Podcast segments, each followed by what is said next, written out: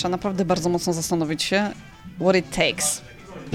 Bo może się okazać, że cena, którą mamy do zapłacenia za ten pomysł jest po prostu dla nas osobiście za wysoka.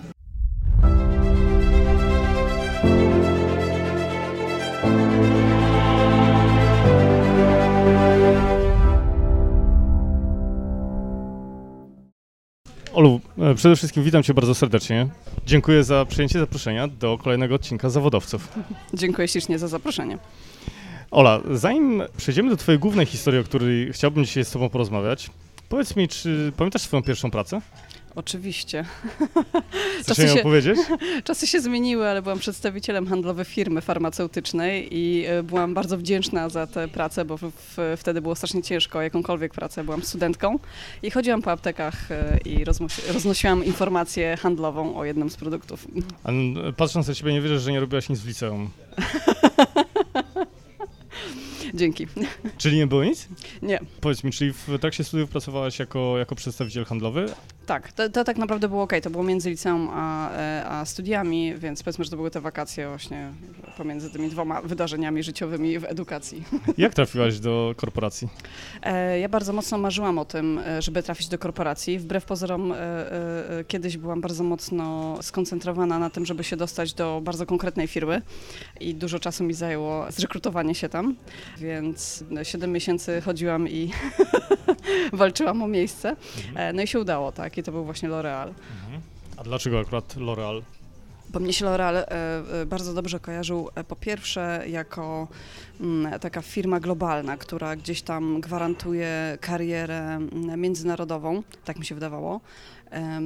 Dwa, bardzo mocno podobały mi się produkty i chyba w nie wierzyłam. E, Vichy bardzo mocno się wyróżniało na tle konkurencji, więc L'Oreal swego czasu robił naprawdę mnóstwo fantastycznych rzeczy i e, ten employer branding, który gdzieś tam naokoło merytoryki e, tej firmy był mocno pokazywany, no to do mnie przemawiał, więc jakby L'Oreal mi się jawił jako miejsce po prostu cud, miód i orzeszki i chciałam po prostu tam bardzo mocno e, być. Wierzyłam, że tam się mnóstwo nauczę. Zresztą tak było. Nie właśnie, jak wyglądała ta rzeczywistość, jak trafiłaś do L'Oreala? Powiem Ci, dlaczego pytam. Interesowało mnie to pytanie z jednego względu, ponieważ ja sam kiedyś chciałem pracować w korporacji Mhm. i rzeczywiście, podobnie jak Ty, wymyśliłem sobie firmę, no i dostałem się i przepracowałem tam 8 miesięcy, powiedziałem, że nigdy więcej. Ale to i tak nieźle, 8 miesięcy też się liczy. Nie, no w moim przypadku to było tak, że mm, no nie ukrywam, było ciężko, mm, ale z perspektywy czasu ja uważam, że to była taka trochę szkoła życia. E, Ktoś mi dał kopniaka e, w tyłek i powiedział, ej, no jakby tu się nikt z tobą nie będzie pieścił, tak, nie jesteś już dzieckiem. E, Więc pierwsza rzecz to trafiłam do PR-u i moja szefowa była osobą dosyć wymagającą i też e, jakby w jej gestii nie leżało e, niańczenie mnie, e, więc e, e, no, tam się wchodziło i, i słyszało się komendę, że gdzieś tam z tyłu to jest IT, ten komputer chyba się od nich bierze, prawda? E, No i tu potrzebuje tego, tego i tam czegoś jeszcze innego, więc nie było e, przekazywania, jakiegoś tam wdrażania wielkiego, tylko masz, rób. Więc na początku mi się e, praca kojarzyła z super stresem i, i, i godzinami późnymi. Potem jak już się w miarę ogarnęłam, to mm, gdzieś tam pierwszy stres minął. e, I jak już się nauczyłam naprawdę sporo, to niestety przestało być tak fajnie. Czyli w momencie, w którym przestałam brać wiedzę, a zaczęłam raczej hmm, pańszczyznę odrabiać, no to gdzieś ta frajda się z, z pracy skończyła. I tam można robić mnóstwo ciekawych rzeczy, no ale per saldo tam się pracuje naprawdę bardzo długo. Jeżeli w piątek się wychodzi o godzinie 22 i ktoś na korytarzu mówi mi, a co, już, le, już lecisz? No to gdzieś tam człowiekowi pękają nerwy, więc jak e, gdzieś tam puszczają nerwy, więc jak e, miałam taką sytuację, gdzie już naprawdę była 24, e, to, no, to nie jest zabawne, tak, wychodzenie o takiej godzinie z pracy. E, I śmiesznie się złożyło, bo... Piątek? Nie pamiętam, czy to był piątek, natomiast jakby to, sytuacja była ogólnie absurdalna, bo siedziałam w robocie próbując rozwiązać właśnie taki problem, który z, z kategorii nierozwiązywalnych, czyli wy, wywróciła się ciężarówka gdzieś tam z próbkami. Ja nie wiem, pewnie nikt tego nie pamięta, ale dla mnie to było takie po prostu, mówię, no dobra, no i co jeszcze, nie? Jakby jeden z, z kolejnych elementów. No tam były próbki po prostu do, do, do gazety, tak? Gdyby nie to, że kampania miała ruszyć jakoś tam od razu, tak? I to wszystko timingi, timingi, timingi, to pewnie nic by się nie wydarzyło, ale mnie wtedy ta sytuacja jakoś tak bardzo mocno ubodła, szczególnie, że ze strony osób zarządzających też nie było żadnego wsparcia, więc ja wtedy stwierdziłam, że okej, to skoro jestem tutaj taka trochę zostawiona sama sobie i tak y, tyram po godzinach, to równie dobrze może mogę to robić y, dla siebie, więc w, wydaje mi się, że to było po prostu wypalenie zawodowe, tak? I, I absurdalność pewnych sytuacji doprowadza do człowieka do jakiejś tam ściany. E, No i dlaczego nie spróbować czegoś jeszcze? Ja wtedy po prostu nie zdawałam sobie sprawy, co ja gadam, tak. Wydawało mi się, że już jestem tak pod ścianą, że Mówisz mogę o wszystko. wypaleniu, tak? Tak. Więc chyba ludzie nie doceniają, mam wrażenie też, ale to z drugiej strony jest dobre, nie doceniają tego, jaką siłę może mieć wypalenie zawodowe albo nawet nie rozumieją, co się z nimi dzieje, tak? Więc no niestety na to trzeba uważać w korporacji i przede wszystkim chyba szefowie e, w korporacjach powinni na to uważać, bo jedyną wartością w firmie są po prostu ludzie, tak? No nie ma nic więcej. Ten krem sam się nie sprzeda, czy ten samochód, czy co my tam nie sprzedajemy. To powiedz, czego się nauczyłaś najbardziej? Korporacja daje ogromne plecy. I o co mi chodzi? Korporacja uczy bardzo mocno pracy z dostawcami, pracy z budżetami, pracy z bardzo dużą liczbą osób. E, czyli trzeba sobie gdzieś tam torować ścieżki pomiędzy różnymi e, działami, uprawiać troszeczkę polityki, żeby osiągnąć wyznaczone cele. Zazwyczaj korporacja ma za zadanie przeszkadzać ci w tym jak najbardziej się da, no bo ma swoje procedury i tak dalej. I lawirowanie pomiędzy tym wszystkim to jest jedna z takich chyba największych nauk, którą się wynosi, ale prawda jest taka, że to jest to, jak wygląda takie życie biznesowe. No też się ciągle lawiruje między mnóstwem ludzi, odmawianiem, ofertowaniem i robieniem różnych dziwnych rzeczy. Pytanie, ile w tym jest y, naszej takiej pracy kreatywnej i swobody, a ile w tym jest y, zmuszania i trzymania się ciągle y, y, wyznaczonej linii. Tak? Ja jestem na pewno osobą, która ma problem z trzymaniem bardzo mocno się wyznaczonej linii przez gdzieś tam jakiś obcy kraj i gdzieś tam to jest dla mnie trudne. I na pewno też nie jestem osobą, która trzyma się jednego obszaru, czyli jestem takim bardziej pracownikiem interdyscyplinarnym, co w korporacjach też raczej się niestety no, nie sprawdza. No chyba, że są takie działy, gdzie po prostu z, z góry założono, ok, um, nie wiem, trzeba stworzyć produkt, tak, i, i, nie wiem, czy nawet nie wyobrażam sobie, może jakieś działy komunikacji mają taką dużą swobodę, ale mało jest takich miejsc, więc no stąd dla mnie pozostanie w takim miejscu było trudne. No właśnie. I co, wpadłaś na genialny pomysł, e, że założysz firmę, która produkuje buty i, i odeszłaś z korpo? No właśnie, to nie było tak szybko, ja byłam dosyć wyrachowana. E, napędzała mną nienawiść tutaj do korporacji, ale stwierdziłam, że to nie jest tak, że mam świetny pomysł i odejdę. Czyli, no, czyli twoje uwielbienie do korporacji przerodziło się potem w... Tak, pasja okay. w, do, do, mhm. do, do, biznesu, e, śmiesznie. W każdym razie ja dosyć na zimno sobie kalkulowałam co i jak, mm, więc wiedziałam, że ja nie zaczynałam od pomysłu, ja zaczynałam od świadomości, że chcę, chcę zrobić firmę. I usiadłam gdzieś tam na koniec roku, czy tam na początek roku do pracy, która polegała na tym, że wyszukuję sobie gdzieś tam pomysły, szukam pomysłu na, na, na firmę. E, założenie było takie, że przygotuję trzy biznesplany, piczuję swoich znajomych, no i zobaczymy, co wyjdzie. Czy przeprowadzę jakieś takie sądy uliczne, no coś takiego zrobię, coś będę proponować. No i okazało się, że nawet nie musiałam bardzo długo nad tym wszystkim pracować. Znaczy, okej, okay, to zajęło mi trzy miesiące, więc nie wiem, dla niektórych to jest długo, dla niektórych krótko. Relatywnie krótko, myślę. Ale relatywnie krótko i zaszłam na kraniec internetu. Już byłam, widziałam wszystko, tak się śmieję, e, że jestem z wykształcenia japońską, to też e, oglądałam takie strony różne dziwne japońskie, no bo e, chodziło o to, żeby trochę wyrwać się z takiego pudełka, w którym gdzieś tam człowiek siedzi. Mm, więc komputer miałam totalnie zawirusowany. No niemniej jednak wpadli do mnie e, znajomi, do mnie, no do nas, bo, bo wtedy z partnerem e, jeszcze kombinowaliśmy tutaj, czy, czy robić firmę, czy nie, e, czy nie robić firmy.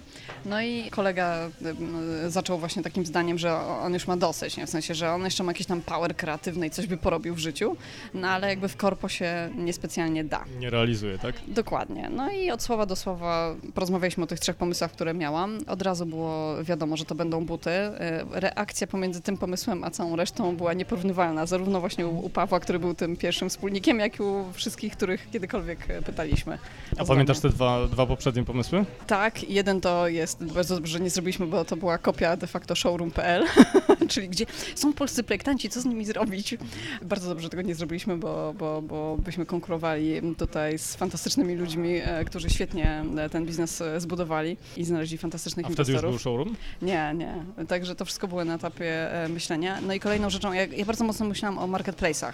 Chciałam zrobić jeszcze mm, e, modyfikację Rakutena, to jest taki japoński e, serwis sprzedażowy też jak najbardziej. Generalnie koncentrowałam się na tworzeniu takiej przestrzeni handlowej dla, dla marek, które nie do końca sobie radzą z obecnością w internecie. Czyli chciałam robić dla nich takie mikro showroomy i przestrzeń sklepową, czyli coś jak galeria handlowa, ale online. E, właściwie nie ma do tej pory, znaczy można by taki pomysł jeszcze zrealizować, tylko prawda jest taka, że to jest pomysł, który wymaga mnóstwo hajsu też na marketing. Ale z drugiej strony jest tyle marek, które wykorzystują Instagram i Facebook, żeby robić sobie tak. swój własny showroom, że... Dokładnie, dokładnie. Więc, ale myślę, że takich marketplace'ów też jeszcze dużo powstanie, bo cały czas firmy próbują gdzieś tam wymyślić coś, co pozwoli firmom zdjąć z barek ten problem z pozyskiwaniem klienta, tak, bo życie indywidualne w sieci jest po prostu ciężkie z perspektywy brandu. No ale to inna historia. No dobra, wracamy do swoich pomysłów, czyli e, był pomysł z marketplacem, był tak. pomysł z butami i trzeci? Dwa były z marketplacem, bo jeden był e, showroom, czyli skoncentrowany stricte na polskich projektantów, polskich projektantów mody, a ten marketplace, ten, te showroomy i sklep w jednym to już było bez e, konkretnego podejścia modowego, tylko robimy galerię handlową w pigułce, więc mogłoby tam być wszystko. No dobra, no i twój pomysł jak wyglądał? Ja zrobiłam sobie taki mikrobiznesplan e, na każdy z tych pomysłów, no ale prawda jest taka, że to raczej wyglądało jak takie dra draftowe rozeznanie rynku, czyli e, próbowałam... W zasadzie fajnie byłoby gdyby, tak? E, tak, ale to też było takie rozeznanie, tak, czyli ile takich brandów jest na rynku, w jakich krajach, kiedy zaczęły, ile zajął rozwój, jaki mają ruch mniej więcej na stronie według tego, co tam Alexa pokazywała i takie rzeczy, ile by kosztowało, jakby od czego trzeba zacząć, ile ludzi mogłoby coś takiego robić, więc tak z grubego palca sobie próbowałam zrobić biznesplan. E, no i w przypadku Funny Design było najtrudniej, no bo ja o butach nie miałam bladego pojęcia, więc tak wydawało mi się, że mniej więcej celuję z tym, ile kosztuje produkcja. Patrzę, jest producentów w Polsce. No bo... Ale właśnie, mówisz o researchu, mówisz o tym, że tak. patrzyłaś, czy coś takiego jest na świecie. Nie znalazłaś, czy i doszłaś Nie, do znalazłam, znalazłam okay. i to ja o tym też jasno mówię, że Funny Design to nie był pomysł, y, który po prostu przyszedł mi do głowy, tylko ja znalazłam firmę przez stronę japońską, potem się okazało, że to są Australijczycy, którzy dokładnie mm, taką platformę do projektowania butów robili robili, z tym, że to, co mi się bardzo nie podobało, e, to po pierwsze cena, a po drugie fakt, że te buty były produkowane i są nadal produkowane w Chinach. Czyli to nie do końca jakby odpowiadało mojemu wyobrażeniu o robieniu czegoś e, na e, indywidualne zamówienie najwyższej jakości i to nie czekając 5 tygodni z przesyłką z Chin, tak? Więc wydawało mi się, że no, Polska jest takim krajem, który kiedyś słynął z butów, a zresztą nie tylko ale, ale no chociażby Kielman to jest ten zakład, na, który gdzieś tam robił i nawet chyba dla rodziny królewskiej buty, więc myślałam sobie, że no to dlaczego by nie podgrzać tego rzemiosła, które gdzieś tam pewnie jeszcze jest ukryte pod mchem i nie zrobić tego właśnie tutaj lokalnie, e, z najlepszych materiałów, na indywidualne zamówienie klienta owszem, ale jednak pomagając mu e, e, aplikacją, jakimiś wyznaczonymi wzorami na początek. No i tak zaczęliśmy. No właśnie, ciekaw jestem tej historii. No nie było lekko bo y, trzeba wiedzieć, że jak my zaczynaliśmy w 2011, a te dzwonki to robiłam jakoś dosyć wcześnie w roku, jak y, y, producenci obuwia słyszeli, że buty sprzedawane przez internet, to naprawdę wtedy okej, okay, ten internet już się bardzo intensywnie rozwijał, był e-commerce, to nie, nie ma dwóch zdań, tylko że my nawet nie zauważamy, jaka jest nasza różnica i percepcja zakupów internetowych rok do roku. Nie wiem, no, dwa lata temu jeszcze inaczej się robiło zakupy online'owo i y, cztery lata temu jeszcze inaczej. Więc buty to był taki produkt bardzo y, problematyczny. I teraz internet wymaga bardzo dużo zaufania, żeby zwrot zadziałał tak, no, po, po obu stronach, żeby klient nie zniszczył produktu i tak dalej. Więc y, ta sprzedaż online'owa wcale nie była jakoś tak super rozbudowana. Więc producenci jak słyszeli, to, to już im się wydawało, że to jest bez sensu, no bo zaraz będzie odsyłanie, przesyłanie, ciągłe reklama, no i w ogóle jakie, o ilu, ilu sztukach my mówimy. Ale model miał być taki, że miałaś być pośrednikiem? Tak, Czy... tak, tak. Generalnie platforma, pomysł polegał na tym, że z jednej strony mamy aplikację do projektowania butów i, i klientów, a z drugiej strony mamy platformę przetargową i, i, producentów e, obuwia, którzy po prostu wybierają, które, które pary butów chcą e, produkować. I my jesteśmy de facto pośrednikiem. No prawda jest taka, że nie da się być takim od, odciętym od wszystkiego pośrednikiem, bo ktoś musi tutaj e, gwarantować te przesyłki, robić i tak dalej, więc to, to byliśmy my.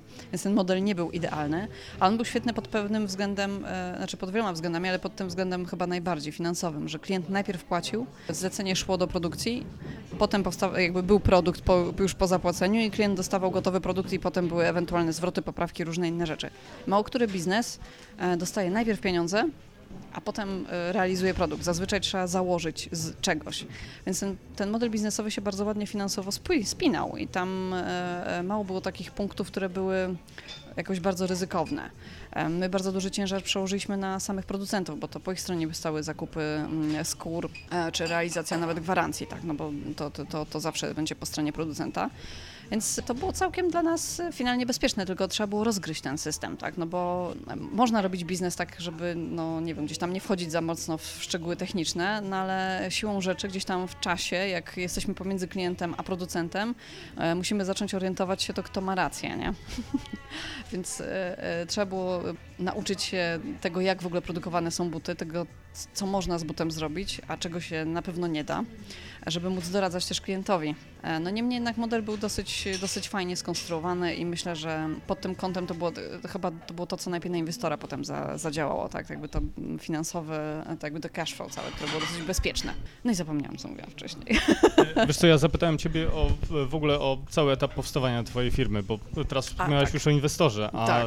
Ja zapytałem ciebie o poszczególne kroki od momentu, kiedy spotkaliście się u ciebie, czy tam w, w knajpie i doszliście do wniosku, że jednak ten twój pomysł jest naprawdę zajebisty. W skrócie bym powiedziała tak, że y, tak to wyglądało i być może e, powinno by to jakoś wyglądać inaczej, ale zaczęło się od researchu, potem przez pozyskanie gdzieś tam y, partnerów, każdy z partnerów dostał wyznaczone zadania.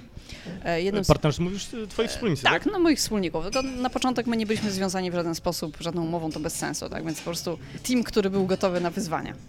I było nas sześć osób na początku. Sześć osób? Aż sześć, tak. Tak to jest, że jak się wchodzi w jakiś e, projekt, to często połówka wchodzi. I tak każda z połówek weszła w tego deala. E, więc było aż na, na Słuchaj, to mieliście prawie radę nadzorczą tam. O, o Jezu, tak, tak, ale śmiesznie, bo każdy w domu dyskutował ze swoim partnerem co i jak i na spotkaniach tylko burza. Tak. Kto ma rację.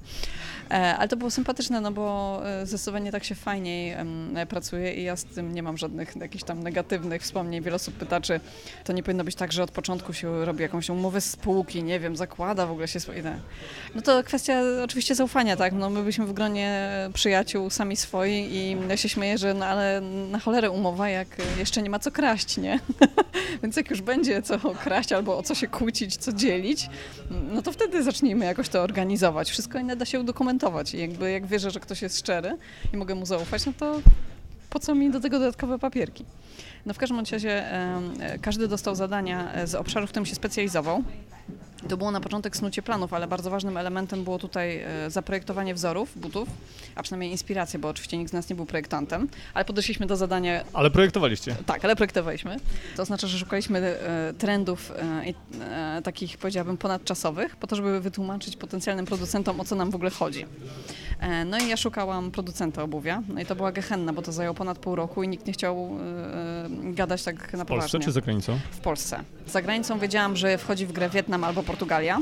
Natomiast no, Wietnam w pewnym sensie dla nas odpadał, no bo to wydłużało ten czas e, dostawy tak samo jak Chiny, prawda, 5 tygodni oraz e, to już chyba nie jest ten fair trade i nie ta idea, ale jak się jest zrozpaczonym, tak, i już widzi się, że e, no, nie ma za bardzo rozwiązania, no to człowiek zrobi wszystko, tak. Także nawet ten Wietnam finalnie rozpatrywaliśmy. Portugalia jakoś nam bardziej leżała, no ale na szczęście nie wyszło ani jedno, ani drugie. Śmiesznie się złożyło, bo wiele osób mnie pyta, czy warto jest opowiadać o swoim pomyśle czy lepiej zachowywać takie rzeczy dla siebie. No i e, myślę, że nas, nasz przykład jest idealnie obrazuje, że warto opowiadać o swoim pomyśle, bo Mikołaj, e, który jest dosyć osobą taką skrytą i rzadko kiedy się wyżala, poszedł z kolegą na piwo i mówi, no kurczę, no nie możemy znaleźć producenta obuwia. No co ty Słuchaj, stary? mam kogoś. tak. Żartujesz. Autentycznie tak wyszło, że e, okazało się, że kolega ma w rodzinie E, jest cały w ogóle zakład obuwniczy i że oni kiedyś byli bardzo duzi, teraz są trochę mniejsi w sumie to może byliby zainteresowani.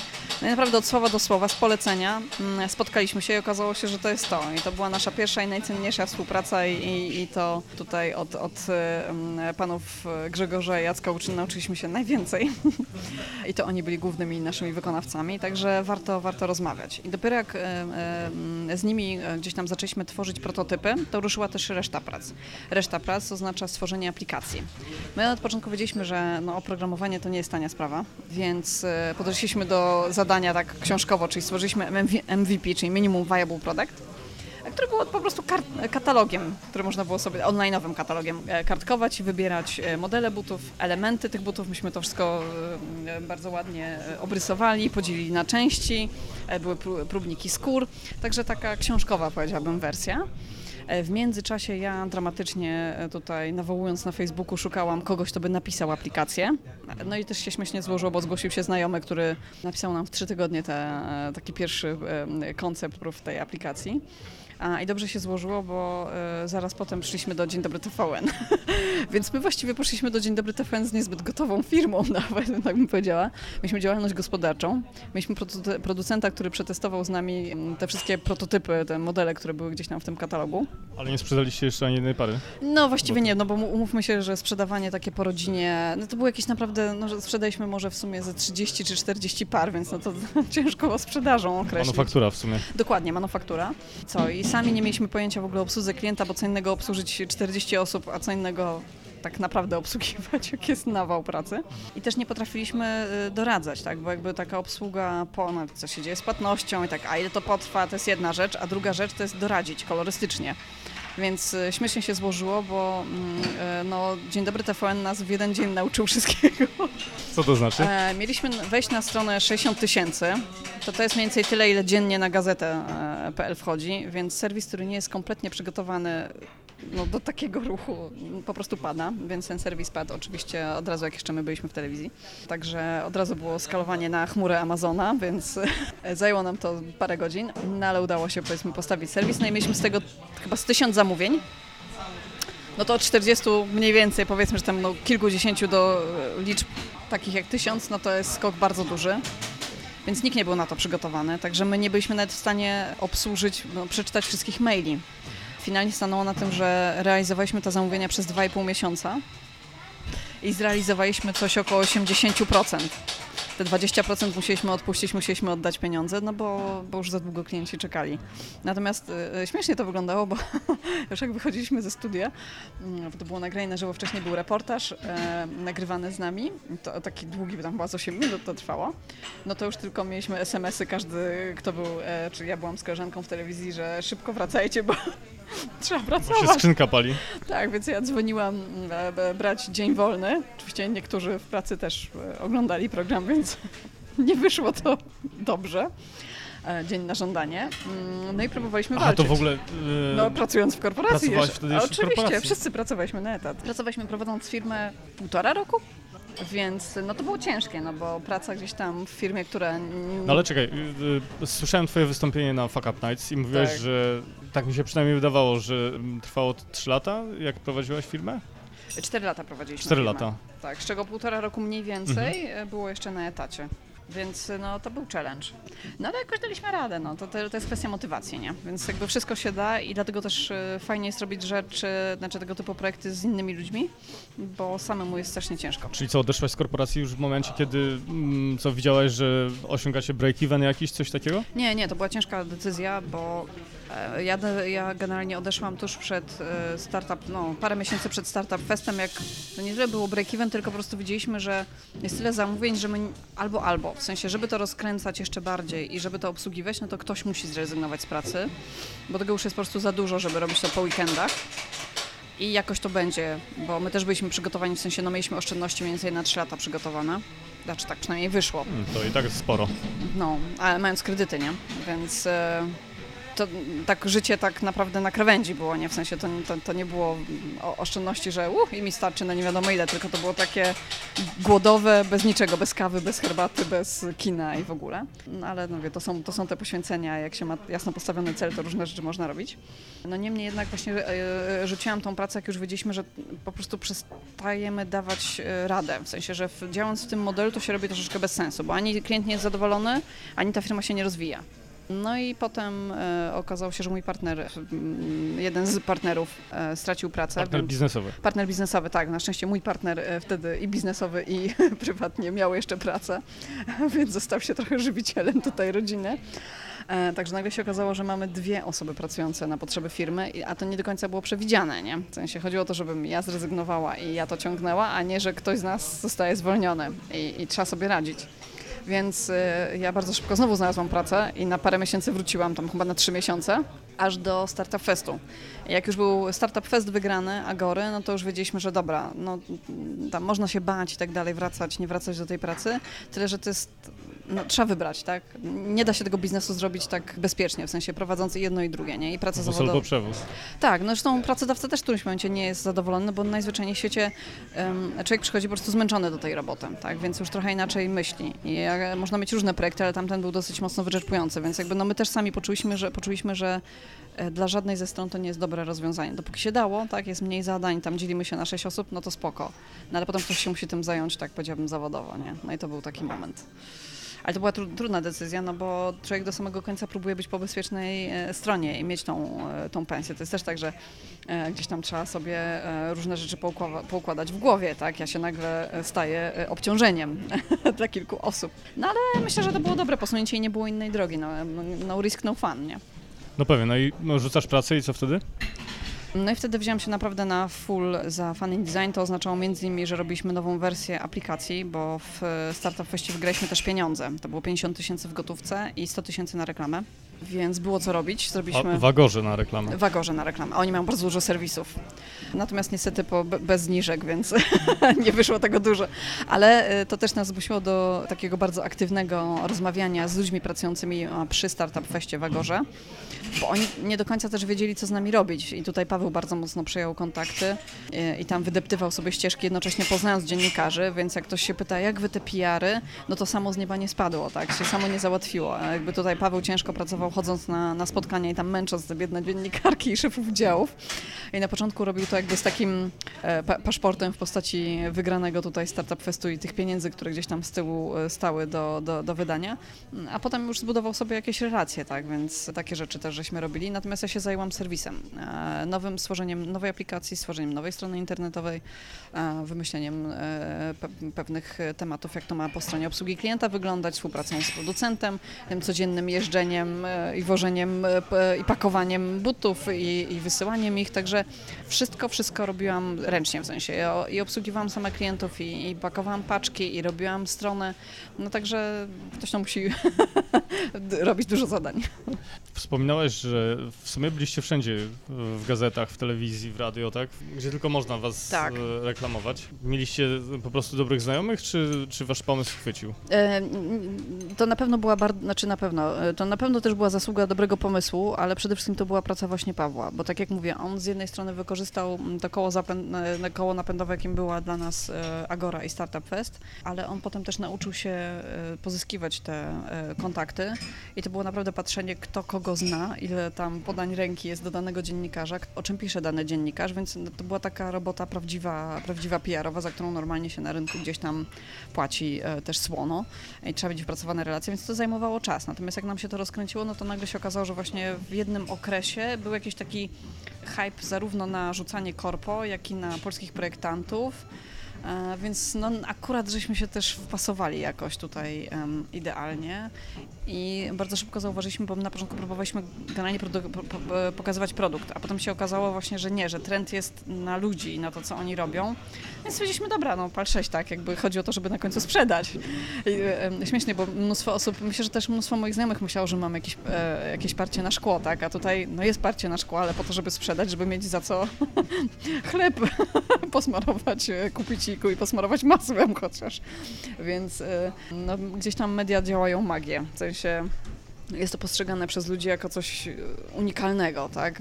Nie, nie, wiem dlaczego dla mnie to jest zwykły kanał marketingowy taki, nieważne czy sprzedaje produkt, czy przy, produkt przez, sprzedaje przez siebie, no to jest jakaś tam akcja. Słuchaj, magia złotego, e, e, małego ekranu, tak? Tak, tak, tak. I naprawdę jakbyśmy w telewizji, to e, no, no, no po, fan, znaczy po, po, tef, po Dzień Dobry TVN był szał. Dla nas to było super doświadczenie, bo pogadać sobie na żywo z Dorotą Werman. Ale to był jednorazowy, tak? Strzał. My finalnie byliśmy w Dzień Dobry TVN dwa razy, co się nie zdarza komercyjnie. Zrobili dla nas wyjątek, więc to też pokazuje tutaj sukces. Bo drugi raz byliśmy dzięki Samsungowi, bo mieliśmy też współpracę z Samsungiem, co bardzo podziwiam, dlatego że ja skażona korpo myślałam, że E, nie ma takiej opcji, żeby korpo chciało z nami współpracować, a w tamtym okresie okazało się, że, że jesteśmy fajnym partnerem e, do prezentacji produktów Samsunga i do tej pory prowadzą e, część takich działań, gdzie pokazują siebie przez ambasadorów. Potem banki też weszły w taką formę promocji, czyli pokazywali swoich klientów startupy w reklamach telewizyjnych, tak, i że te startupy właśnie korzystają z danego konta. Więc była też moda właśnie na pokazywanie się przez pryzmat ludzi, z którymi się współpracuje, jeżeli oni robią coś ciekawego. Do, do tego stopnia był hype na to, że nawet galerie handlowe z nami rozmawiały o tym, żeby otwierać u nich fizycznie sklepy, no bo jesteśmy czymś takim, co to gdzieś tam ściąga zainteresowanie. Nawet jakieś tam były opcje na kilka miesięcy darmowego czynszu po to, żeby e, też ściągać ludzi i pokazywać się jako to miejsce, w którym są właśnie te fajne, różne firmy, takie modne, takie polskie. Pamiętasz jeszcze jakieś śmieszne historie?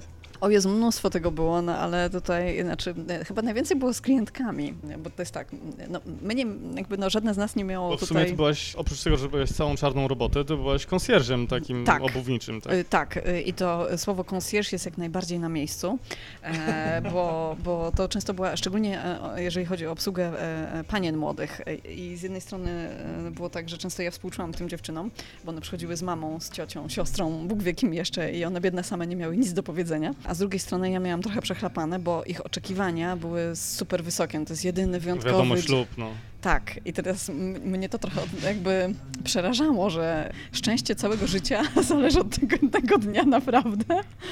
No niemniej jednak mieliśmy na przykład parę butów zaprojektowaną e, w ośmiu kolorach, baleriny w ośmiu kolorach i jak one do nas przyszły, to naprawdę strach było to wysłać. Oczywiście reakcja klienta była dokładnie taka, no, no trzeba sobie próbować... Po co mi to było? Po co mi to było, tak, tylko że klient nigdy nie ma takiego nastawienia, po co mi to było, tylko w zasadzie to wy źle zinterpretowaliście mój wzór. No ale były też bardzo fajne i takie ciepłe historie, gdzie po prostu klient nam, projektując buty, gdzie nam się wydawało, że się już nic fajnego nie da zrobić, od razu było widać, że ktoś jest po drugiej stronie, nie wiem, albo artystą, albo projektantem, no po prostu połączenie kolorów, mnóstwo takich e, fajnych i miłych rzeczy było. E, za każdym razem, jak gdziekolwiek byliśmy, to wszyscy nam gratulowali, klienci przychodzili po prostu pogadać, więc śmiesznie, że to się jakby, że nasz pierwszy sklep na Zgoda mm, zrobił się też takim miejscem rozmów po prostu z klientami o wszystkim i o niczym, czyli część, część osób potrafi od nas przyjść po prostu pogadać. A poczekaj, bo mieliście fizyczny sklep tak samo? Tak, otworzyliśmy w którymś momencie, e, jak już mieliśmy inwestora i, i stało się jasnym, że ciężko bez koncept storu przynajmniej e, budować wiarygodność. W sensie, że Polacy nie do końca ufają firmom, które są stricte internetowe i że biuro to może być za mało. My w ogóle bardzo długo czekaliśmy z e, wynajęciem powierzchni jakiejkolwiek biurowej, a co dopiero sklep. Ale na, no, gdzieś tam z badań nam wychodziło, że jednak sklep, sklep, gdzie mogę przyjechać obejrzeć, gdzie mogę przyjechać obejrzeć, muszę przyjechać obejrzeć no to otworzyliśmy. Tak. I no, pier... Jaki mieliście trafik w tym sklepie? E, różnie było, natomiast na otwarciu nauczyliśmy się obsługi kasy fiskalnej, e, bo wydawało nam się, że przyjdą po prostu znajomi i koniec, a przyszło naprawdę sporo osób. My też poprosiliśmy mm, tutaj rysowników, e, jak Marek Raczkowski e, dla nas rysował grafiki, e, na otwarcie sklepu.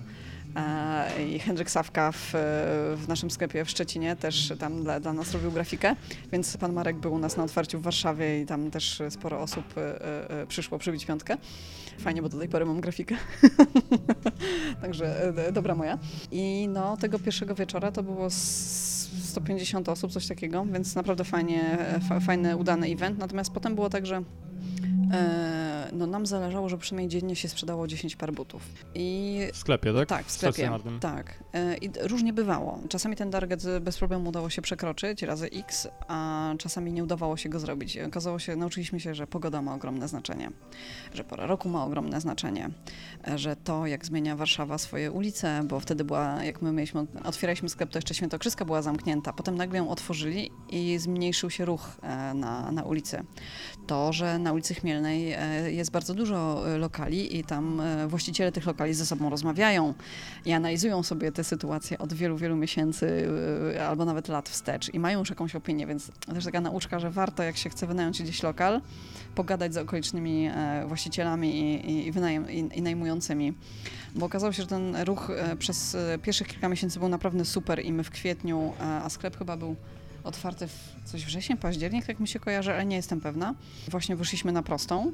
Potem nagle otwarcie Świętokrzyskiej, pomijam wakacje i po prostu dramat. Zmienił się przepływ ludzi. Tak, ale to też był ten sam moment, w którym nam się e, skończyły pieniądze na marketing, więc nam się nałożyło mnóstwo rzeczy, no i nagle się okazało, że sklep jest ciężarem, a nie tą siłą napędową. A to jeszcze nie był do końca ten moment, w którym tak łatwo można było sobie po prostu ten sklep e, zamknąć bez konsekwencji dla biznesu. Więc e, no, to był taki, powiedziałabym, znaczący błąd, bo y, trzeba było jednak wytrzymać może wynająć biuro w lepszej lokalizacji, tak żeby gdzieś tam dostęp e, klient do nas e, lepszy miał, no ale może jednak nie robić tego sklepu. To tak jak mówiłam też na Fuck Up Night, że tam ileś mieliśmy takich w sumie um, momentów, w których byliśmy w pudełku zamknięci i trzeba było troszeczkę pomyśleć ponad swoje wiem lepiej albo nie chcę pracować w korpo i nie robić wszystkiego tak szybko, więc to też zabawnie, jak teraz często rozmawiam z, z ludźmi, którzy rozkręcają swoje firmy i oni wszyscy mają taki są tak bardzo zmobilizowani, żeby być pierwszymi i żeby szybko, szybko, szybko wszystko robić. Gdzie, no nie wiem, no moja nauczka, znaczy jedna taka z wyciągniętych nauczek jest taka, żeby czasami jednak zwolnić i się zastanowić. Rzadko kiedy jest tak, że jeden produkt wygrywa i koniec. I już nie ma na świecie nic innego. No to są jednak rzadkie e, przypadki. I jakby podawanie Google, czy nie wiem, tam jakichś marek elektronicznych, to chyba nie jest najlepszy e, przykład, więc e, zresztą zanim ta marka wygra, no to jest sporo czasu, żeby przebadać różne rzeczy i zanim się wyda te pieniądze, to gdzieś tam pomyśleć. No, więc ten sklep był, był konieczny, ale chyba był za wcześnie. No dobrze, Olu, a bo wspominałaś też, że mm, pozyskaliście inwestora, prawda? Tak. Mnóstwo osób pyta, jak pozyskać inwestora. Nie, nie pytam o to, ale ciekaw jestem, ile pieniędzy wydaliście. My wzięliśmy pół miliona złotych, więc niedużo. Plus tam e, było kilkadziesiąt jakoś tysięcy już jako pożyczka i za te pieniądze zrobiliśmy tak. Po pierwsze sklep, po drugie aplikację 3D, Mm, i po, i po trzecie kampanie różne reklamowe. E, więc jak z perspektywy czasu na to patrzę, to tak, wiem, że koszt takiej aplikacji, jaką my zrobiliśmy, to jest 400 tysięcy złotych, więc uważam, że pieniądze naprawdę nieźle wydane. Dwa, otworzenie własnego sklepu, no to są w ogóle mm, dowolne, e, dowolnie duże pieniądze. Nam projekt sklepu robiła moja sąsiadka, prawda? E, dużo rzeczy montowaliśmy sami. Na meble chyba wydaliśmy 6 tysięcy złotych, czyli wyposażenie całego sklepu, więc naprawdę zrobiliśmy to tak e, super low costowo, tylko że to wymagało mnóstwo pracy, bo to jest też mm, śmieszne, że każdy by chciał robić rzeczy za 0 złotych, nie? Tylko no wiadomo, nie da się, więc znalezienie pomysłów, rzeczy, zrobienie, to zajmuje strasznie dużo czasu i nikt nie liczy tylko kosztu ludzi, którzy to robią. No ale udało się mnóstwo rzeczy naprawdę super tanio zrobić, więc ta kasa była nam potrzebna po to, żeby gdzieś tam wyjść na szersze wody, żeby dać kopa e, temu biznesowi, żeby on szybciej zaczął rosnąć. To co nie wyszło? No właśnie, e, tak jak mówię, jednak ten sklep był za wcześnie, ale przede wszystkim skończyła, skończyła się kasa na marketing i to jest ta, też ten przykry wniosek e, z, z, z branży fashion, że to nie jest tak, że ktoś kupuje jakiś wyrób modowy, bo nie wiem, bo jest wygodny, czy akurat mi się spodobał, tylko marka znajomość tej marki robi bardzo, bardzo, bardzo dużo. No nie bez kozery, jak sobie zajrzymy do własnej szafy, no to się okaże, że tam nie ma za bardzo marek niszowych, tylko raczej masówka. Więc przybicie się z komunikatem, ale to się teraz zmienia. A, tylko to jest dalej mikro, mikro, mikro skala, nie? No bo to jest, cały czas patrzymy przez pryzmat Warszawki, nie? Czy Warszawka zbuduje nam, e, jestem warszawianką, więc to Warszawka tak pejoratywne określenie, no ale, e, no ale dobra, I mimo wszystko jakby uważam, że nadal e, to jest nisza, że nie mówimy o skali e, Polska i że z tego się nie da żyć tak, mm, jak sobie wiele osób wyobraża. W sensie to nie są takie pieniądze. W takim razie jak wygląda spotkanie, jeżeli możesz się tym podzielić, jak wyglądało spotkanie, kiedy padło słowo e, dobra to koniec? O Jezu, to nie było jedno spotkanie, to, to, to było wiele miesięcy mm, i to była męka. I mm. trochę agonia, tak? Tak, to była agonia i no najgorsze jest to, że myśmy się po prostu nie mogli z inwestorem dogadać, co robić dalej. Więc e, to były różne scenariusze, to było non-stop robienie Exceli i to, mm, to nie był jeden moment, w którym było no dobra, tylko to już narastało i po prostu gdzieś tam w którymś momencie już tylko wybuchło, wzięliśmy dobra, to sprzedajemy i tyle, bierzecie to, nie bierzecie. Nam już, już byliśmy w takim stanie, że nam to po prostu wisiało. Twoja mina dużo teraz mówi. No tak. Ale to też jest nauczka, no. I... Co, wypaliłaś się?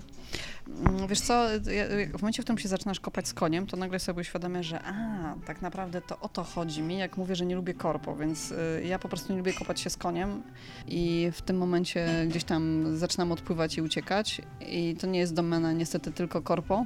Z funduszem inwestycyjnym też tak może być. Trzeba zrozumieć, że oczywiście z drugiej strony stoją prawdziwi ludzie, którzy zarobili te pieniądze i wykładają je po to, żeby jakiś biznes szedł dobrze. Ale trzeba mieć też z tyłu głowy, że nie każdy fundusz inwestycyjny dokładnie do tego dąży. Są różne gdzieś tam cele, tak, różnie można te pieniądze liczyć. Zbyt pewne rzeczy trzeba, nie wiem, chyba na początku ustalać i być gotowym na to, że a dobra, jak się spierdoli, to co dalej, tak? No i tutaj chyba nie było tego planu na to, co będzie, jak, jak się skończy kasa na, na marketing i jak się doli, za przeproszeniem. Więc nam się, mimo że mieliśmy gdzieś tam zainteresowane fundusze na drugą rundę, to nikt nie chciał wejść, bo twierdzili po prostu, że my już nie mamy co oddać, nie? Bo my oddaliśmy 50% firmy, więc jakby to, to za duże ryzyko, nie? Każdy by chciał maksimum udziału. 50 czy 51? A to nie ma znaczenia, naprawdę. To każdemu się to tak e, filmowo się wydaje. Mój Boże, kto będzie decydował. Prawda jest taka, że te decyzje nie schodzą na taki etap e, e, pojedynczych małych rzeczy, tylko takie duże. Dobra, to nie wiem, rozwijamy się na rynki zagraniczne, czy nie, więc to naprawdę to, czy ktoś ma e, głos e, ten główny, czy, czy nie, na takim etapie naprawdę nie ma znaczenia. E, finalnie może mieć znaczenie dla kolejnych inwestorów, tak, ale dla startupera, który po prostu nie wie, co się w ogóle zazwyczaj dzieje, to tego się nie zauważa, więc my nie mieliśmy problemu z tym, kto ma 1% e, więcej.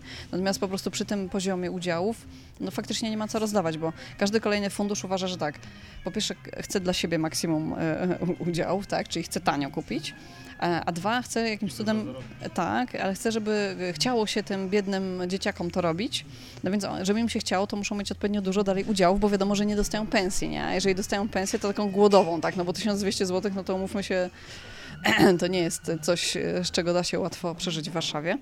Więc u nas tego po prostu nie było tak, no bo u nas jeszcze była trójka, także no już niespecjalnie jest co e, rozdawać. My mówiliśmy, że dobra, ale nam nie zależy, my możemy zostać się na 5%, bo lepiej mieć e, mało w czymś dużym niż dużo w niczym, nie? No ale to gdzieś tam nie przemawiało. Moda to też nie jest e, branża, którą inwestorzy lubią, co łatwo sobie zaobserwować, jak popatrzymy, ile, w ile modowych startupów e, zainwestowano w ciągu ostatnich pięciu lat. I jeszcze takie ciekawe przypadki jak Nasty Gal.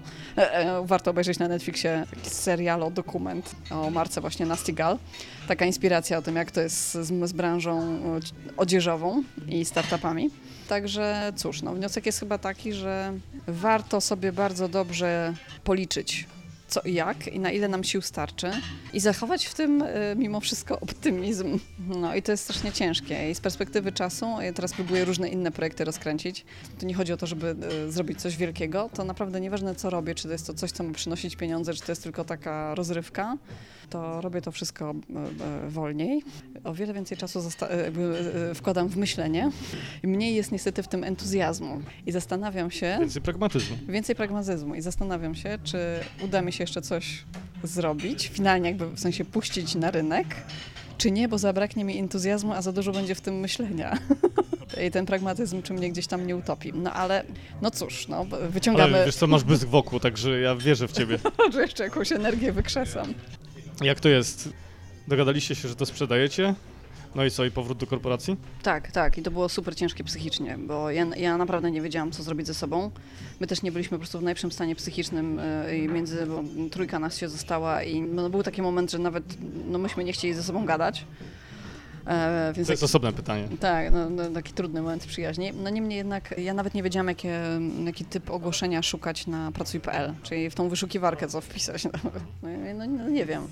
Więc e, gdzieś tam zaczęłam myśleć o tym, że dobra, ja chyba już na tyle długo siedzę w tym e, online'owym biznesie, no bo jednak najwięcej e, od strony online'owej, e, od tworzenia serwisu przez obsługę, przez merchandising produktów, no wszystko, wszystko robiłam, więc mówię, to może coś w tym klimacie, tak? Tam jakieś sklepy przecież szukają ludzi. No i wysłałam swoje CV chyba dosłownie w trzy miejsca. No i tak miałam super, super farta, że złapała mnie jedna z agencji e, Executive Search i zostałam dyrektorem e-commerce w Matrasie w księgarniach, więc to był dla mnie mega skok, bo tam po raz pierwszy w życiu miałam do czynienia z tak dużą skalą na co dzień. Czyli to, co ja gdzieś tam osiągnęłam w funny design w skali miesiąca, to tam się działo w skali dnia. Sink or swim? No ta, tak, zdecydowanie. E, miałam dwutygodniowe wdrożenie z osobą, która tworzyła ten sklep e, przez kilka lat i powiedziała, że już koniec, był kontrakt na początku na tam, nie wiem, 3 czy 4 lata miałem zrobić i miałem odejść i mnie trzymacie tutaj, więc już naprawdę chciałam mi wszystko jak najszybciej oddać. I miałam no niezłą szkołę życia, natomiast było fantastycznie, bo tam były też super zadania do zrobienia, także ja się bardzo szybko odnalazłam, e, e, to było naprawdę jak ryba w wodzie. takim, prawda? Tak, tak, ale też to było super, że to był cały projekt do zrobienia, w sensie cały sklep, a cały sklep internetowy to jest cała firma w pigułce, bo o wszystkim trzeba pomyśleć. Budżet też jest, no, powiedziałabym, mocno taki e, różnorodny, no bo tam są i ludzie, i akcje promocyjne, i produkt, i no bardzo różne rzeczy. Obsługa tego e, klienta, logistyka, więc wszystko, wszystko, wszystko. Także to było dla mnie, e, dla mnie super. Zaczęłaś oddychać? Tak, i na szczęście bardzo szybko, chociaż muszę powiedzieć, że taka żałoba po stracie firmy, to e, rok taki naprawdę gdzieś, chyba nie do skrócenia to jest, a prawda jest taka, że taki żal, no to tak dobre dwa lata, nie? Natomiast ten pierwszy rok jest bardzo trudny i też rozmawiałam z kilkoma osobami w takiej sytuacji i ciekawe, że nikt o tym nie mówi, nikt o tym nie pisze, no ale nie wiem, jak to inaczej nazwać właśnie jak żałoba, nie? A jak wasze relacje? No trochę czasu zajęło, zanim gdzieś tam wyszliśmy na prostą. Teraz już jest super, właśnie widzieliśmy, tą, kombinujemy różne inne rzeczy razem, ale myślę, że nam zajęło takie 3-4 miesiące, żeby gdzieś tam się z tym wszystkim oswoić i trochę odpocząć od siebie nawzajem, bo my spędzaliśmy z sobą naprawdę 24 godziny na dobę, nie? Taka mała komórka e, Ciebie społeczna. na jeszcze, tak? Tak, e, bo prawda jest taka, że w biurze też jakoś tam się siedziało, nie? Ale jak e, najlepiej się siedzi w domu, więc naprawdę dom miałam przez dłuższy czas, powiedziałabym, no nie taki dla siebie, tylko dla wielu osób. No ale cóż, no mimo wszystko uważam, że e, warto było, no i że jednak udało się te relacje przyjaźnie, tak na dobrą sprawę, uratować. No i to pokazuje, że jakby na początku miałam rację, że warto sobie nawzajem zaufać i robić rzeczy z tymi ludźmi, którym, którym wierzymy i że ta przyjaźń przetrwa nawet najgorsze, najdurniejsze sytuacje, tylko trzeba na chwilę wyjść prawda, I, i, się zastanowić, co jest ważniejsze, nie? No bo można się wściekać, ale prawda jest taka, że no, tych przyjaźni nie ma dużo, tak? Więc i te doświadczenia wspólne są naprawdę niezastąpione. My się gdzieś tam widzimy raz na miesiąc i za każdym razem jest po prostu no jest taka świeżość i radość tej relacji, więc no, dla mnie to jest, cóż, no, tylko plus, że taka sytuacja nie zepsuła tego. A jaką miałabyś radę dla kogoś, kto pracuje teraz w korporacji i ma, słuchaj, milionowy pomysł? Hmm. To, to, jest źle zadane pytanie. nie, ale to, to pytanie, znaczy, bo to, to, jest tak, to zależy od wielu elementów. Nie, no to jakie zadajemy? Wydaje mi się, że to jest tak, że nie ma milionowych pomysłów. Pomysły są strasznie tanie i jest ich bardzo dużo. Można coś wykonać na milion. Więc ja bym się zastanowiła, czy to na pewno, e, znaczy co, co w tym jest wartością, e, ten pomysł, e, czy, ta, czy praca, którą mogę włożyć, te kompetencje, zespół, który zbuduję, wiem, że to się uda, dzięki temu, że jestem ja i, i, i fajni ludzie, których mam naokoło. Bo jeżeli to jest tylko pomysł, to od razu bym to wrzuciła do kosza. W jednym momencie jakieś 15 tysięcy osób pracuje nad tym samym pomysłem i stąd pewnie też ten wyścig, kto pierwszy, kto pierwszy, kto pierwszy, no, ale powstaje finalnie gdzieś tam kilka e, firm z danego pomysłu, a czasami jedna w danym czasie, no dlatego, że liczy się wykonanie, więc trzeba naprawdę bardzo mocno zastanowić się, what it takes. Bo może się okazać, że cena, którą mamy do zapłacenia za ten pomysł jest po prostu dla nas osobiście za wysoka. Tak. Ale jeżeli mamy zaplecze, no to robiłabym, no bo Boże, dlaczego nie, tak? Jak się nie uda, no to zawsze sobie można znaleźć pracę. Jakby nie ma tutaj, ten strach ma wielkie oczy, więc warto próbować, bo człowiek się na tym uczy na maksa dużo, na maksa. Nie ma takiej pracy, która tyle człowieka nauczy. Ja się śmieję, że teraz jak gdzieś idę, gadam, to e, e ludzie na mnie patrzą jak na jakiegoś starego człowieka, że i to, i to, i tam to robią. Ale to naprawdę jakby nie wynika z jakiegoś tam chwalenia się, tylko po prostu jak człowiek wszystko sam rozgryza od zera i ma własne pieniądze do wydania, to się doktoryzuje z każdego jednego tematu. Od księgowości przez obsługę kasy fiskalnej po y, kampanię performance marketingu w internecie. Y, I robi to dlatego, że nikt tego za niego nie zrobi. Czyli ja nie mogę tego zlecić gdziekolwiek indziej, tylko muszę poświęcić czas i potem pieniądze na te testy i zrobić coś samemu. Więc no, to jest najlepsza i najszybsza szkoła, jaką sobie można zafundować. Pracujesz jeszcze w matrasie? Nie.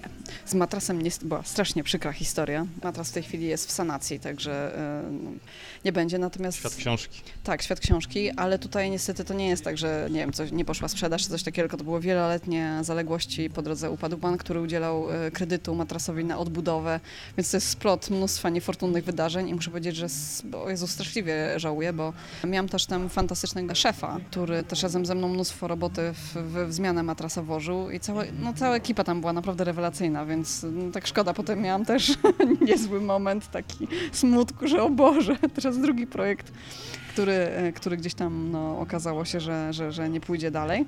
E, no ale zrobiliśmy dużo, w sensie no, przez te półtora roku, kiedy tam byłam, no to naprawdę udało się mnóstwo, mnóstwo zrobić i żałuję, że nie udało się przetrwać i, i gdzieś tam to finansowanie nie wypaliło bo no co, został się Empik, tak, I, i, i co dalej? Amatras miał taki fajny, rodzinny look i, i gdzieś tam bardzo dbał o um, ofertę taką mniej mainstreamową, więc szkoda, no na maksa szkoda. A czym się teraz zajmujesz? A teraz y, dla odmiany y, jestem w IT. Y, jestem w firmie, która z jednej strony ma software house, z drugiej strony zajmuje się outsourcingiem specjalistów IT, czyli programistów. I tutaj muszę powiedzieć, że trochę tak rozmyślnie pomyślałam, znaczy rozmyślnie gdzieś tam przyszłam do firmy, która jest biznesem B2B i, i która ma no, na tapecie taki, powiedziałabym, najtrudniejszy temat, jaki chyba teraz na rynku pracowniczym jest, bo programiści to jest naprawdę dobro mm, e, trudno dostępne, tak, więc tu jest niezwykły challenge. No i też to pokazuje, że... E, Szczególnie z niemieckim. O, w, w, z, z jakimkolwiek językiem. Nie, serio, znaczy jak się ktoś zastanawia, czy założyć biznes, to proponowałabym na początek, niech się zastanowić, czy może nie zacząć uczyć się programować. Więc to jest fajny rynek, niezwykle trudny. I w sumie często nie, znaczy on jest z jednej strony fajny i wdzięczny, ale z drugiej strony mocno taki mm, psychicznie dołujący, bo to jest tak, My bardzo dużo pracy wkładamy w employer branding, gdzieś tam pokazywanie, jakie fajne jest miejsce pracy i co my dla tych ludzi nie robimy. No a gdzieś obok w firmach pracują, nie wiem, księgowi, nie wiem, tam nawet specjaliści do, do spraw marketingu i oni nie mają tych benefitów wszystkich i nikt ich tak nie, nie, nie kusi e, pracą i nie buduje takich fajnych wizji, jakie robi się dla, dla programistów, więc tak wydaje mi się, że oni są naprawdę, nie wiedzą, jak, jak, jak mają fajnie. No z drugiej strony hej, trzeba się było uczyć e, lepiej matematyki, nie? No niemniej jednak nie jest to prosty e, rynek, ale bardzo się dynamicznie zmienia. I tutaj też robimy mnóstwo ciekawych projektów. No dla mnie to jest o tyle fajne, że mam się y, gdzie wykazać i sądziłam, że po e-commerce ciężko będzie mi się odnaleźć w takiej specyfice. No, natomiast okazało się, że parę rzeczy da się zaimplementować, więc no, taki projekt, y, ja bardzo mocno myślę o swoim życiu zawodowym y, projektowo, czyli ja chcę sobie zbudować też portfolio mm, doświadczeń, y, no, które gdzieś tam pozwoli mi być naprawdę takim już maksymalnie wartościowym pracownikiem, jakiego sobie można wyobrazić, bo doświadczenie z bardzo różnych branż pozwala lepiej działać w każdej kolejnej, więc ten czas wdrożenia jest nieporównywalny. Pomysły, wykorzystanie nawet technologii, nie wiem, no w rekrutacji mnóstwo teraz się dzieje, no ale to ja wdrażam tam takie podstawy jak, nie wiem, śledzenie e, ruchu z ogłoszeń, tak, czyli każde ogłoszenie e, ma UTM-y w swoim linku i patrzymy, czy z, nie wiem, z prywatnego posta. Co to jest UTM? A to są takie takie, które pozwalają śledzić, skąd użytkownik przyszedł e, na daną stronę. Czyli ten link jest taki bardzo długi, rozbudowany i właśnie jest tam zawarta informacja co i jak. A, także warto, jak się Ale klika, Pracuj.pl jest na pierwszym miejscu? No, Pracuj.pl to jest w ogóle ciekawy teraz temat, bo też się mocno tam organizuje i różne rzeczy. Teraz poszła informacja e, o tym, że kupili szkołę programowania Coders Lab i oni w branży IT, tak, to, to, to jest niezły news, e, oni w branży IT mają o tyle problem, że na Pracuj.pl wchodzą raczej specjaliści z innych branż albo ludzie tacy o ogólnym doświadczeniu. Programiści przede wszystkim nie szukają pracy, więc oni tam raczej nie wchodzą. Kandydat pasywny. Tak, tak, więc tutaj LinkedIn, Search, no tak, LinkedIn teraz e, też na pewno nieźle tutaj na tej, w, tej, w, tej, w tej branży gdzieś tam sobie dobrze radzi i sprzedaje licencje, bo mm, trochę kończą się e, pomysły, jak tych ludzi e, ściągać. No więc no, nie jest lekko. Uczyć. E, też, oczywiście, więc my e, zrobiliśmy C-School. Mm, teraz Pracuj kupił Codesap, ale, ale my zaczęliśmy tutaj e, sami zamiast kupować kogoś, to też nie jest proste, ale to jest fantastycznie, powiedziałbym, rozwijające dla zespołu, bo w ogóle projekt jest ciekawy. My proponujemy kurs średnio taki czteromiesięczny ludziom, którzy różne rzeczy w swoim życiu zawodowym robią, ale przede wszystkim e, mają takie kompetencje jakby w myśleniu logicznym, rozwiązywaniu zadań, zagadek, e, dociekliwości, no i motywację muszą mieć super do zmiany swojego życia. No i szukamy sobie takich ludzi. Cztery miesiące poświęcamy im, żeby ich nauczyć e, podstaw języka programowania plus jakichś innych technologii. Potem podpisują z nami kontrakt dwuletni, no i znajdują pracę na, projektach u naszych klientów. Tak naprawdę my im znajdujemy e, pracę. E, więc z jednej strony to jest super, bo zmieniamy życie ludzkie i to naprawdę czasami są takie sytuacje, że no, no wow, nie? Nam serce rośnie, że Boże, zrobiliśmy coś, co dla kogoś w perspektywie, nie wiem, pięciu lat to jest tak totalna odmiana życia, od nie wiem, wynagrodzenia takiego powiedziałabym średnia polska po wynagrodzenia, których nie jeden może pomarzyć i bezpieczeństwo totalne zawodowe. E, przez z drugiej strony klienci też, no mówmy się, pracodawcy teraz nie mają łatwo. Co tu dużo mówić, to widzę też mm, e, często po ludziach, którzy mnie otaczają i, i, też słyszę od swoich znajomych, którzy w różnych miejscach pracują. Trochę się zmieniło. Teraz ten e, work-life balance raczej jest po stronie live. Tak, no szczególnie w IT, ale przyznam szczerze, że nie tylko, więc jak pracodawca może dostać pracownika super zmotywowanego, który walczy o życie, to jest naprawdę kompletnie, kompletnie co innego.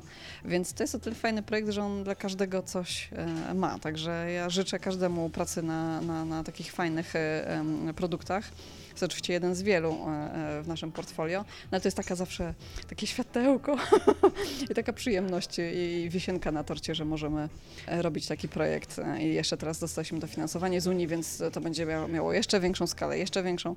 I też ludzie przy tym projekcie są niesamowici z pasją, więc no pod tym względem to jest naprawdę bardzo, bardzo przyjemny element. Ale w życiu by mi nie przyszło do głowy, że skoczę, nie wiem, z, z kosmetyków, przez, jeszcze z kosmetyków do mody, to jeszcze jak cię mogę, nie? Przez książki po, po branżę IT, ale y, też tak jest, że jak pracuję sobie z różnymi startupami, gdzie tam ludzie przychodzą czasem po jakąś y, radę, czy tam posłuchać właśnie, y, co według mnie ma sens, a nie ma sensu, to bez sensu, bo oczywiście ja mogę tylko powiedzieć z własnego doświadczenia, jak coś wyglądało, trzeba na własnej skórze wszystko sprawdzić no to nasłucham się po prostu tyle o różnych modelach biznesowych i o różnych branżach, że dla mnie to jest po prostu w pigułce e, e, zajebista lekcja o e, gdzieś tam nowych biznesach. Potem znacznie łatwiej mi się rozwiązuje problemy, mm, z którymi gdzieś tam się stykam w swoim codziennym życiu zawodowym i różne śmieszne rozwiązania potem gdzieś tam sobie implementujemy, wzięte kompletnie gdzieś tam od czapy z kosmosu, z jakiegoś tam innego totalnie rynku czy, czy, czy, czy branży i biznesu.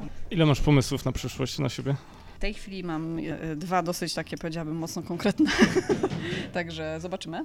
Nie są to projekty, w których ja będę jakoś już mocno widoczna, ale też są projekty takie mocno e, nastawione na sprzedaż.